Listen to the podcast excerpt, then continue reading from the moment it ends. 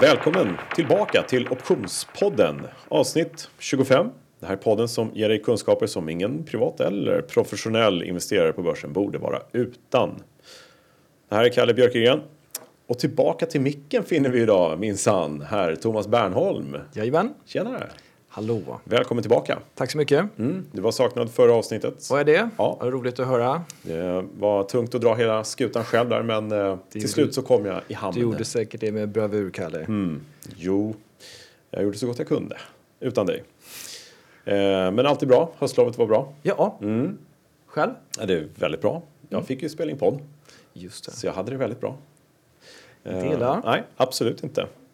Jaha, Eh, dagens tema, sex viktiga överväganden för alla investerare. Ja, det är ju så. Det finns ju en... eh, Det är väldigt mycket frågor som dyker upp och kommer vår väg. Eh, Och sammantaget så är det väldigt mycket frågor som handlar just om hur ska jag tänka när det gäller det och hur ska jag göra där och hur ska jag fundera när jag ska gå in i en investering. Och det här gäller ju faktiskt inte bara optionshandlare utan alla som investerar på börsen till exempel. Eller. Fast vi fokuserar lite grann på optionsdelen. Mm, det blir ju så, precis. Vi tar Men det du säger är att steg längre. många råd är lite generella såklart, eller hur? Ja, men det blir ju så naturligtvis. Så försöker vi Eh, förfina Men lite. inte desto mindre väldigt viktiga råd skulle jag vilja säga. Som vi har lärt oss under vår långa digra väg här i livet från Av start. alla misstag. Ja, faktiskt är det så. Men du i övrigt, börsen här då. Ja, rapportperioden fortsätter ju lite grann här. Det kommer rapporter fortfarande från både små och stora bolag. Turbulensen ska jag säga fortsätter. Det hackar både fram och tillbaka. Måste, om man ska säga så, slagig börs. Det har Eh, varit mycket ner, eller hur? Ja, det har varit det och sen så rätt vad det är så kommer en lugn dag och då blir alla kolugna känner nu kommer det gå upp igen och, och sen så kommer en lite sämre dag, ner någon procent, vilket är ganska stor nedgång generellt sett för, Ja, nu för tiden i alla fall. ja, nu för tiden, precis. Ja, senaste veckorna så är det ganska normalt men om man tittar sista halvåret så är det ganska stora rörelser. Eh, men vi tycker ju då i en sån här slagerbörs, vi som håller på med optioner, att det finns ju faktiskt en, ett antal överväganden och en del nyckelelement vi bör lägga till till vår analys som handlar om optioner som gör att vi har möjlighet till ganska många bra strategier faktiskt. Ja, vi har ju utlovat Ja. det. Det finns alltid optionsstrategier för alla marknadslägen. Ja. Så det, Men det är ett safe Det står vi eh, fortfarande bet. för. Det är ganska lätt att utlova det, för det gör ju faktiskt det.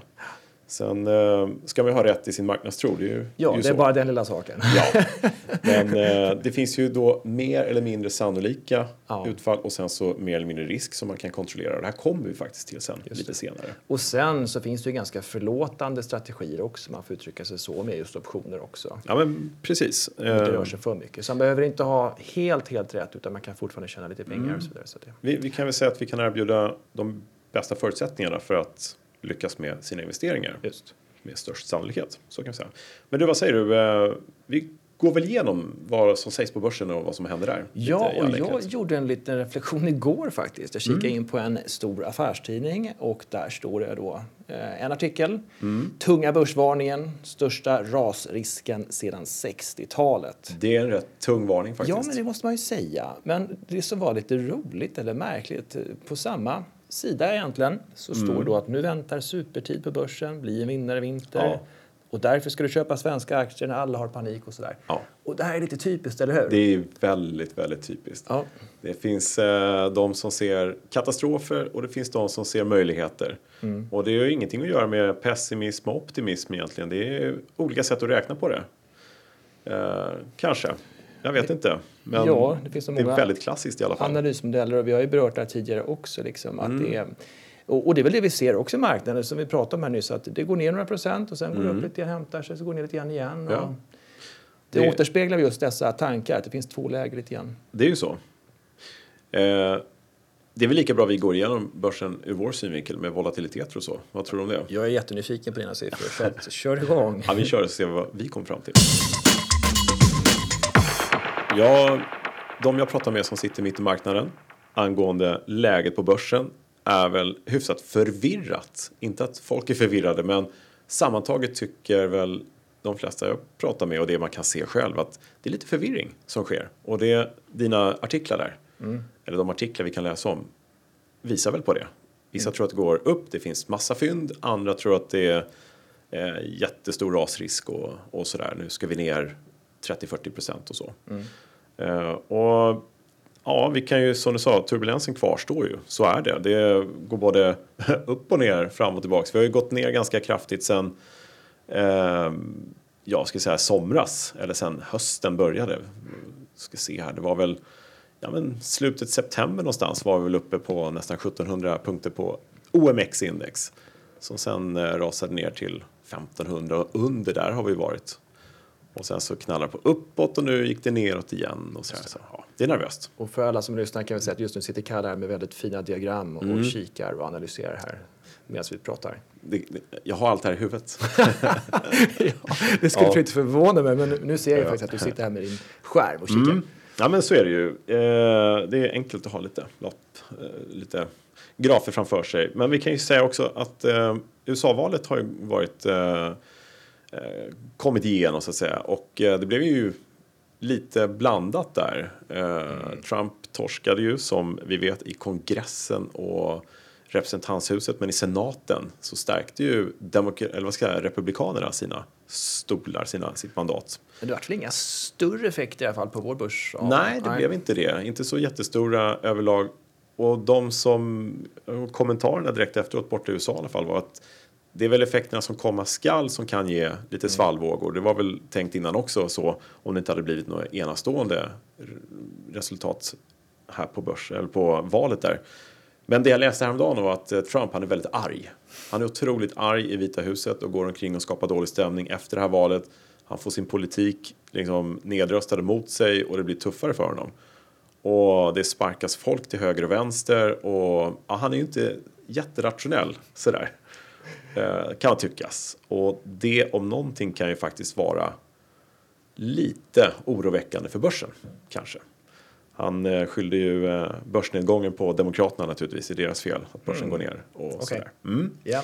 Så att han är ju en ständig liten volatil del av vår finansmarknad som kan dyka upp lite när som helst. Just det. Men sen har vi haft en del rapporter som sagt som har ställt till Mm. det kanske för vissa bolag och sen har vi kanske då ränteläget, man flaggar för höjningar framöver och sådär. Sånt där påverkar såklart och folk analyserar om och reviderar prognoser och analyser. Och Mm. Det är väl mycket beräkningar som pågår. Verkligen så. Eh, tioåringen i USA har förvisso knallat ner lite grann här sen sista tiden. Den gick ju upp ganska markant där. Folk tittar på den över 3% Den är fortfarande kvar över 3 Nej, men den är på, jag ska säga, ner mot de lägre nivåerna sen åtminstone i början på oktober. Eller nej, inte riktigt början av oktober kanske, utan början på november ska jag säga. Men det är nedåtgående. Eh, samtidigt som vi kan säga här hemma så kanske vi kommer höja räntan för första gången på ja, hur lång tid är det nu? Åratal i december här. Så får vi se hur det påverkar. Just Eh, en annan eh, väldigt markant del man inte får glömma bort i den här finansmarknaden är oljepriset. Mycket snack om det sen sist. Jag tror jag nämnde förra avsnittet hur oljevolatilitetsindex faktiskt har knallat upp. Och om man tittar på det nu, då har det skjutit i höjden. Oljan har ju alltså som per definition gått från 85 dollar per fat någonting och är nere nu, Jag börjar närma sig 50, 56 dollar där nu. Det är ett oerhört markant eh, ras neråt får man lov att säga. Jag tror att alla som kör bil inte riktigt delar den uppfattningen. Att ha, eller liksom, Nej, det speglas inte det- riktigt i drivmedelspriserna. Men Det gör ju inte det. Nej. det då skyller de på dollar eller någonting och så måste de höja ändå. Så Just eh, det är höga drivmedelspriser. ja, det var en parentes. Ja, eh, det man kan roa sig med att titta på om man är intresserad det är att kolla på det som jag nämnde, oljevolatilitetsindex. Där ser man ju liksom lite grann hur eh, handeln, hur kraftfull liksom, rörelserna där är på riktigt. Det är volatiliteten helt enkelt. Och den har ju skjutit rakt upp i höjden. Så till två, tre års högsta eller vad det var. Okej. Eh, så det kan vara intressant att hålla ett öga på. Eh, men du, ska vi titta på våra volatiliteter? Det är liksom lite det vi eh, Exakt. tycker är intressant med ur vår synvinkel så att säga. Och vi brukar kolla på eh, VIX-index, va? Eh, den implicita volatiliteten på 30 dagar på S&P 500. Och eh, där har vi haft en eh, stabil, ska jag säga, stabiliserad eh, nivå kring 20-strecket. Vilket är trots allt fortfarande en fullt normal risknivå. Eh, vi ligger kvar på, ja, ska jag säga 21, 20,5, 21 där. Inga stora rörelser överhuvudtaget. Vilket kan tyckas är lite märkligt med tanke på ja, men allt ifrån USA-val till de rörelser vi haft. Men det här är implicit volatilitet, det är vad marknaden tror. Och, och för att sätta det i relation till lite tidigare siffror, om vi går tillbaka sådär två månader till, Mm. vad hade vi för nivåer då? Ja, men om vi tar exempel slutet av september, då hade vi nivå, nivåer kring 12-13. Och det var ju där någonstans vi hoppade under sommaren och så, alltså väldigt låga nivåer. Ja. Och sen så blev det lite mer turbulent under hösten och sen så har vi stabiliserat oss kring, jag ska säga runt 20 nivån. Det har varit både över och under det, men där ligger vi nu och det är väl ungefär ett konsensus för den risknivå vi har i marknaden. Just det. Och det toppade runt 25 va? För några veckor sedan? Ja, det var uppe på strax över 25 där, ja. Eh, intradag i slutet, ja, 25-26 oktober någonstans. Okej. Var det. Ja. Så att eh, summa summarum, eh, ja, tron på risken i marknaden där borta i USA som ändå påverkar oss rätt mycket, den är inte överhängande. Har inte ökat nämnvärt överhuvudtaget faktiskt. Gått upp lite grann men inte så att det stör. Eh, och det vi brukar gilla att jämföra med här är ju vårt skew-index. Skevhetsindex som indikerar på hur mycket dyrare det är med eh, optioner på nedsidan. Så köpa puts helt enkelt på nedsidan om man så vill, för att göra det enkelt. Och där har vi haft faktiskt eh, ett ganska brant ras. Det har blivit billigare i relation till at the money så har out of the money på nedsidan blivit väldigt mycket billigare faktiskt. Och som jag nämnt tidigare så är det här helt enkelt så att eftersom den implicita volatiliteten har kommit upp det är ju exakt samma volatilitet, volatilitet vi hade på nedsidan förut när det var dyrare där nere. Nu har ju det blivit, när det har kommit ner på börsen, blivit at the money så att säga. Och då har faktiskt nedsidan, den nya nedsidan om man tänker så, inte riktigt hängt med. Nej. Vilket betyder att i stort sett marknaden vill inte betala mer för den nedsida vi har idag. Det Just finns det. ingen jätte, jätte oro för en kommande eh, turbulens eller Just stort ras just nu. Ja, Nej. precis. Eh, så var det för två veckor sedan också och Mm. så är det fortfarande. Det har kommit upp lite grann ska jag säga. Det går inte fortsatt rakt ner utan trenden neråt är bruten, så ska vi säga. Och ligger nu kring 120. det Ja, jag tänkte fråga om nivån. För vi 120 var ju på en bit över 150 Mm, det stämmer, det, vilket var väldigt, väldigt högt. en tid sedan. Mm. Och eh, normal nivå, allt annat lika, över tid är 120. Mm, Det det. finns alltid en skevhet och det, är- då är det liksom vid 100 blankt, då är alla optioner värda lika mycket. Vid 120 har vi en normal skevhet och vi har normalt, eh, en normal efterfrågan på nedsidan. Exakt där är vi nu faktiskt. Eh, men det har faktiskt varit under det en tid. Det har varit liksom billigare faktiskt än normalt på, på nedsidan. Eh, Men nu är vi kring 120 och trenden är väl lite, lite på väg uppåt skulle jag säga. Men ingenting att oroa oss för, det är väldigt non-event över det hela. Och om man får tro de här siffrorna så är det ingenting som tyder på att marknaden förväntar sig någon större turbulens eller orolig för det åtminstone den närmaste månaden eller så, just idag. Du, eh, ska vi eh, titta på våra aktier också på OMXS30? Hur de, Ja. Vi bara lite snabbt gå igenom dem. Vi kan ju konstatera, precis som på VIX-index här, vi följer varandra, våra börser rätt fint. Eh, OMXS30s eh, volatilitet är 16 procent ungefär just nu. Jag som har min eh, lilla sån här kan säga att det är 16,62 as we speak. Börsen är öppen. implicit volatilitet då. At Ja, the money. At the money, implicit volatilitet. Och det här är ju en liten marginell uppgång på någon punkt. Eller kanske ja, en punkt. Ja. Är det decemberoptioner du kikar på? Det här är december, det stämmer. Ja. Eh, slutdag nära julafton någonstans där. Och eh, då ska jag säga så här också att sen eh, vi sände förra gången, eller jag sände själv där och så har det faktiskt gått upp lite grann däremellan och sen fallit tillbaka ner. Okej. Men över tid så har det här faktiskt inte riktigt eh, ökat särskilt mycket alls.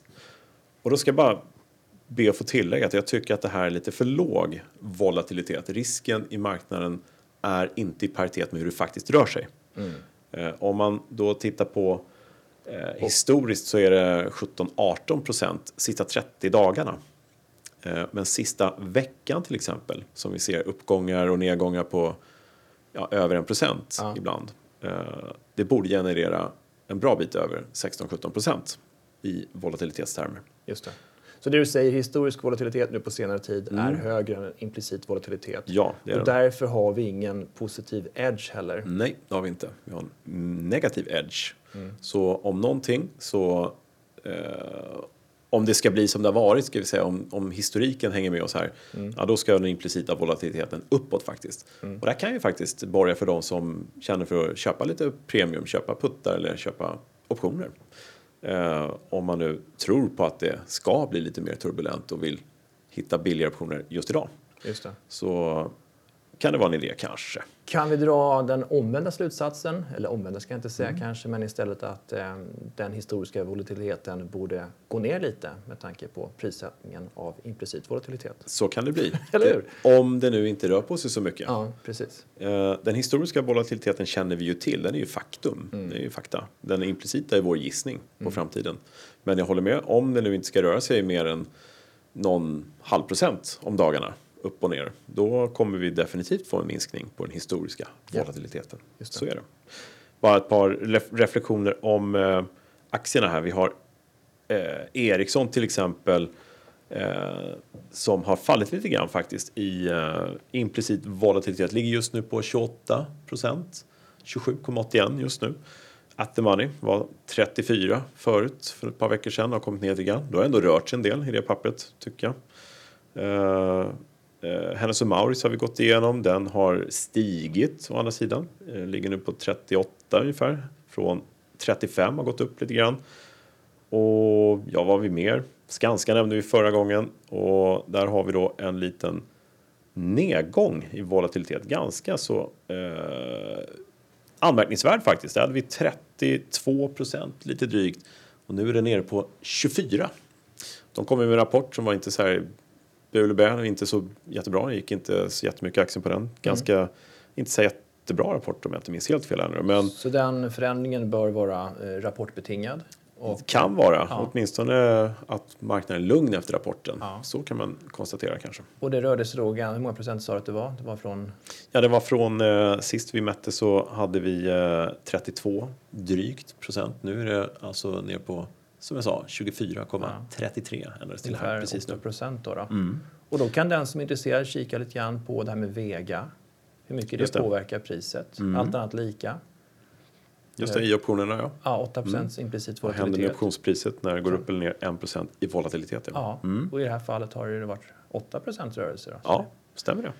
Så det var lite, lite Men axplock. hur är det med Volvo då? Det nämnde du inte va? Nej, Det är Volvo, ganska eh, Mm. säga, ordentligt handlad eh, underliggande. Sist vi kollade på Volvo tillsammans så hade vi eh, 24,5 procents volatilitet. Och nu har Volvo 24,9 procents volatilitet. Har inte rört sig någonting. Det är stabilt va? Mm. Jag har ju de som jag nämnde här är ju de som sticker ut lite grann då. Eh, Ericsson, eh, Hennes Mauritz och Skanska och sådär. SKF har gått upp lite grann också ser jag. Eh, I volatilitetstermer. Ja men du Thomas, ska vi komma in på dagens huvudtema till slut här då. Eh, sex viktiga element för alla investerare. Lite snabbt. Vad tror du om det? Det låter jättebra. Ja. Det börjar bli dags. Ja. Eh, vi kan ju konstatera att det finns ju förstås ganska många saker man ska tänka på. Men det finns ett antal punkter som har uppmärksammats en del extra ska vi säga genom åren här. I, i alla fall den erfarenhet som jag har fått med mig. Eh, och vi börjar med nummer ett. Din tro på en riktning. Ganska viktigt att ha med sig kanske. ja. Men ibland så är det faktiskt som så att eh, Alltså vad är en tro på riktning? Det är klart att man tror att det ska gå upp eller ner. Det är ju klassiskt. Men ska det gå upp eller ner eller stå stilla har vi möjlighet att faktiskt tro på. ja, och sen kanske man ska lägga till en liten variabel, man ska säga, det just under vilken tid kanske också. Just det, det kommer vi ju till här. Ja. Men eh, Men just riktning när? Imorgon eller om ett år? ja, liksom? precis, verkligen så. Tro på riktning, ganska viktigt, självklart. Nummer två, koll på volatiliteten. Och vi som håller på med optioner, just vi pratar om, är ju eh, ganska insatta i hur, hur det rör sig på börsen. Inte att det går upp eller ner, utan om det går upp eller ner och hur fort det går upp eller ner. Vilket ger oss eh, ja, billigare eller dyrare optioner för respektive strategi. Eller även sannolikheter för hur aktier kanske ska gå upp eller ner. Eh, så att... Eh, mm. Ja, men precis. Och det här med, som du varit inne på så mycket, med risk. Hur, hur prisar man det här? Hur prissätter man optioner? Hur prissätter man risk? Eller vad man ska säga. Vad, Mm. vad har man för um, tanke om framtiden? Så det är väl väldigt bra att kika liksom på ur det hänseendet verkligen. Ja, men det är det ju. Alltså hur, hur, eh, vad tror man om den kommande risken på marknaden? Ska den öka eller ska den minska? Det har man ju oftast en känsla för. Ja. Eh, och för optionshandlare så är det ju ytterst vitalt om man nu ska hålla på med mer sofistikerade strategier. Precis. Nummer tre, riskkontroll. Mm, det är lite så här snusförnuftigt. eh, men eh, har vi inte sett en gång för mycket genom åren de som inte riktigt har koll på hur det faktiskt kan gå om det inte går åt rätt håll. Jo, visst är det så. Så att räkna på risken i den strategi man gör eller vad en möjlig maxförlust eller eh, ja, men åtminstone hur långt man kan tolerera en position som går åt fel håll. Mm. Eh, alltså sätta upp sådana här ramar lite grann och vara medveten om att ja, men nu går det åt det här hållet, nu vet jag att jag ligger positivt fram till en viss nivå och ha bra koll helt enkelt. Ja men exakt, där säger du verkligen viktigt, ha bra koll. Det, det Ja. är som du brukar prata om, kunskapen här. Alltså. Just det. Och det är ju bättre att man gör det här själv än att riskavdelning på banken ringer upp dig och säger att nu ser det inte så bra ut, nu måste du stänga Nej, här. Det, så långt vill man inte det ska Nej, gå. precis. Nej, så så är det ju. Nummer fyra, tiden. Som du var inne på lite grann. Och det är lite kul, det är så självklart i vår värld att när ska saker och ting hända? Arbeta tiden för eller emot dig? Och det här är vad vi kallar för TETA. Va? Håll koll på ditt TETA. Hur mycket förlorar du på din köpta option varje dag? Eh, och återigen, gör man sin covered call som då är förvisso en såld option eller om man köpt en call bara så kanske man är fine med att man förlorar sina 300 kronor eller vad det kan vara i premium. Och det är okej. Men om man har lite mer sofistikerad strategi på och man är intresserad av ja, men vid ett läge så vill jag gå ur om det inte har gått åt rätt håll. Ja, men då är det jättebra att hålla koll på sitt TETA.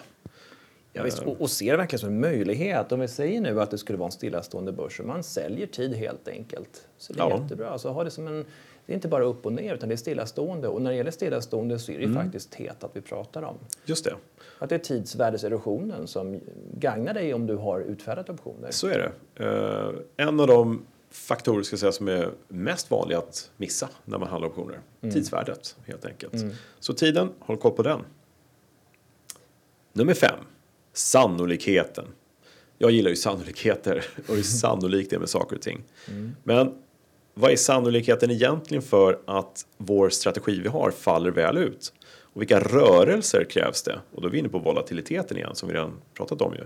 Vilka rörelser krävs för att det ska ske, alltså att vår strategi blir värd pengar? Och här tycker jag ju vi har haft ett bra exempel flera gånger när vi jämför bara en köpt call jämfört med en köpt call spread till exempel. Just det. Och det kan man gå tillbaka till tidigare avsnitt och lyssna på. Men det handlar helt enkelt om att om vi tror på en uppgång i en aktie så kanske inte räcker med en vanlig call. För den är ganska dyr jämfört med en call spread. Och då kanske har, vi har rätt i riktning, det går upp. Men när vi köper bara en call måste vi ha ganska mycket uppgång för att det ska bli en vinst. Medan vi i en call spread kan få in pengarna mycket fortare om man säger så. Just det. Och sannolikheten, då brukar vi också prata om eh, delta som, som visar sannolikheten, eller hur? Just det. Som vi berörde där precis Att också. överväga också, absolut. Ja, och då kan vi också nämna det att, eh, jag menar, visst, om vi köper en money call till exempel, då har vi en sannolikhet teoretiskt på eh, 50 procent i och med att deltat är 0,5. Just det. Men då har vi också den här tidsaspekten. Det måste ju ske under en viss tid i och med att optionens löptid är begränsad. Ja. Och av den anledningen, eller av den anledningen, det är också så att man ska tänka på att deltat går mot 0 respektive 1 ju närmare slutdagen vi kommer. Just det. För på slutdagen kan ju optionen bara vara in the money eller out of the money. Precis, så gå mot 0 eller mot 1. Ja. Och det ska man också tänka på såklart. Om du köper en at the money-option med 50% chans att den ska få ett värde. Ja. Så ju närmare slutdagen du kommer så kan det röra sig bara lite grann och sen har du ja, ytterst liten chans. Deltat sjunker rejält. Just det. Så det ska man också ha lite grann i åtanke. Sannolikheter alltså. Bra att hålla koll på. Absolut. Nummer sex. Målsättningar. Mm. Har du definierat dina målsättningar för din strategi? är ju frågan man ska ställa sig egentligen. Och det önskade resultatet du vill ha, hur når man dit? Och vad är liksom målet med den hela förvaltningen man har? Och det är ju liksom oerhört tydligt att en god målsättning och noggrann planering ökar sannolikheten för ett bra utfall i en aktieportfölj. Så är det. Det är ju, säger sig själv på något Ja. sätt. Men ändå upplever jag att väldigt många missar det här med målsättningar. Mm. Och man kan ju faktiskt sammantaget alla de här sex punkterna, eller fem föregående punkter, eh, sammanfatta dem i en god målsättning som man Precis. följer helt Ja. enkelt. Och jag menar målsättningen, folk kan tycka men min målsättning det är att skapa en god avkastning. Mm. Men om målsättningen är att göra det kanske på ett år eller två så måste man också beakta vilken risk vill jag ha. Exakt. Mm. Men blir det stökigt här, jag menar, då kan jag inte ha en så att säga, håsposition, en positiv position, utan då måste man ju ha ett mål där jag får in skydd och sånt också. Just hedge, så. Liksom. Ja, men exakt så är det. Så att om man lyssnar på det här och är intresserad av börsen och sitter och handlar och är intresserad av optioner dessutom. Eh, en god målsättning behöver inte ta särskilt lång tid att eh, genomföra, men det är desto alltså mer nyttan med det ska jag säga är ju ja, jättestor helt enkelt. Eh, för mig bara till eh, ett eh, litet ordspråk redan nu. Redan nu? Ja. Sådär ja, du överraskar. If you fail to plan, you plan to fail. Benjamin Franklin. Det var bra. Det kom Ja. ju precis rätt här. Också. Eller hur? Ja, Ja. verkligen. Ja du Thomas, från eh, eh, sannolikheter och målsättningar och grejer så börjar vi närma oss slutet som vanligt. Till slut så närmar sig slutet. På detta avsnitt hoppas jag att du menar. Ja, det hoppas jag också Ja. det är vad jag menar. Ja. Jo, men eh, för att sammanfatta lite grann. Eh, jag tycker det var så pass viktigt det här ändå och det är många som har ställt frågor om det också. Det är att, ja men dels eh, samma, vad ska jag säga, målsättningar. Det, ju, det finns ju inget bättre tips egentligen för allting i livet egentligen. Vad vill jag och hur åstadkommer jag det och vilken väg framåt bör jag ta? Eh, och eh, vissa saker kan ju tyckas vara ganska omöjliga och sådär men det är ända tills man kanske bryter ner i mindre delar och liksom siktar på och ja, komma framåt helt enkelt. Eh, mycket inom eh, de som man lyssnar på inom elitidrotten som, Ja, men exakt. eh, Jag tänkte just... Ja, Ja. säg det. som eh, sysslar med det där. Eh, men åtminstone om du inte har en uppfattning om riktning eller den här volatiliteten i marknaden så bör man avstå med sin strategi tills man har det. Har jag hört flera gånger och läst och sådär fått med mig. Nej, men precis. Ja. Eh, nämnt det förut. When in doubt, stay out. Liksom. Så att är, man, är man fundersam så vänta lite grann och skaffa en uppfattning såklart. Exakt. Men som jag sa, det finns en del förlåtande strategier med derivat som man kan absolut kanske bara Mm. låta tiden hjälpa en. Just det. Du, eh, vi har ju lite events också som vanligt erbjuda. Om man vill eh, veta lite mer under en eh, 45 minuter, en timme om volatiliteter och möjligheter att läsa av det och så, så är man välkommen till Nasdaq, till Hörsalen. Eh, tillbaka dit om man varit där förut, men varmt välkommen. Den 28 november, eh, kvällstid, eh, då är vi tillsammans med Leica Consulting och pratar om möjligheterna med optioner helt enkelt. Men då är det Leica Consulting och Inspire, det vill säga riktigt. som kör. Jajamensan, fast Jag vi är här på Nasdaq. Jag kommer nog vara här också. Ja, det måste du vara, annars blir jag ledsen. Sen har vi ett event till den Mm. 3 december. Minnas att det är? Och då är det mm, Jim Lindgren som jobbar på, på Nasdaq som ska föreläsa lite grann också. I huvudet på en market maker. I huvudet på en market maker kallar vi Mm. Ja, det. alltså. just det. Så det pågår lite grann och det här Mm. kommer vi göra såklart och det kommer synas på din sida, va Kalle? Absolut, optionsbloggen.se under kurser. Eh, och där uppdateras det ju om man lyssnar på avsnittet långt senare så finns det ju alltid möjlighet att gå in och se vad, vad det finns för kurser framöver. Mm. Eh, och möjligheter till utbildning. Och det var ett tag sedan jag kanske nämnde vår webbadress också. Det finns ju Nasdaq Academy. Ja. NasdaqOMXNordic.com snedstreck optionsutbildning. Mm. Den webbsidan där står lite mer om kurser och sånt också. Man kan registrera sig där i eh, Mm. en bas. Det har vi aldrig nämnt, det ska man nog göra. Man ska eh, registrera sig där i Nasdaq Academy för då får man väl utskick och grejer Mm. Och information Ja. och så som är bra. Så det tycker jag man kan göra. Ehm, ja, vad i övrigt? Uh, webbkurs är på gång. Eh, det är lite mer ingående kurs förstås. Information om det finns också på bloggen så småningom här. Så att eh, det om det. Det finns alltid möjligheter att lära sig mer och det finns möjligheter från vår sida att delta i diverse utbildningar för att man ska kunna få det här lilla extra kunskapsflödet på börsen och därmed kunna skapa lite bättre förutsättningar, tycker vi, för sin förvaltning. Eller hur? Just det. Eh, Ja, då har du redan kört ordspråket, Kalle. Jag, jag, Jag väntade på ett ordspråk, men, eller hur? ja, eh, jag hade ju ett till. Jag hittade något Ja, från... har eh, till. Men vad bra. Ja, jag hade faktiskt Det där var ju mer spontant nyss. Ja, vad perfekt. Jag har ju ett Klockrent. ordinarie också. Jaha. Eh, ja, men jag gillar ju mina gamla de här eh, satirikerna. Eh, och det finns ju en man som heter Jonathan Swift. Irländsk-brittisk kyrkoman tror jag han var från början. Författare. Eh, levde väl 1667. till 1745. Ser jag kan? Han sa så här. A wise person should have money in their head, but not in their heart. Ja, Lite djupt Verkligen. kanske. Ja. Men det är lite så att eh, man måste just det här vara lite klok, förnuftig och målsättningar och sånt där. Och nu ska vi inte sitta här och säga till alla att så peka med hela handen att alla ska vara förnuftiga. Utan, men det handlar mer om att eh, ju mer kunskap man har, desto mer eh, planering man har och desto mer eh, utstakade målsättningar man har, självklart, desto bättre går det. Och han tycker jag sammanfattar det ganska bra. Inget mer med det. Eller än så, menar jag. bra. Ja, i övrigt är det väl bara att säga tack för idag. Har vi något mer att prata om här? Vi har uttömt det mesta av vad vi skulle säga idag, va? Ja, Ja, det har vi jag tror det. Eh, gå in på optionspodden.se och ge oss lite feedback. Ställ fler frågor. Det kommer in många frågor. Vi gör allt vad vi kan för att forma dessa små avsnitt efter frågor och försöker svara på frågor till de som hör av sig och så. Ehm, det finns också artiklar på optionsbloggen.se och som sagt kurser och utbildningsmöjligheter där. Twitter, att se Björkegren. Följa mig om man vill det. Eller Facebook, Enspiri Academy. Där kommer det också lite uppdateringar. Så det ska inte finnas en möjlighet att missa oss om man nu inte vill det. Förstås. Helgarderat, headshot dig. Helhedgat faktiskt. Precis. Låter Men, bra. men du, eh, då så. Tack för idag. Vi hörs väl snart igen. Snart är jul, men vi kör på, eller hur? Tack så mycket, Kalle. Tack så du ha. Tjena. Ja, hej. hej.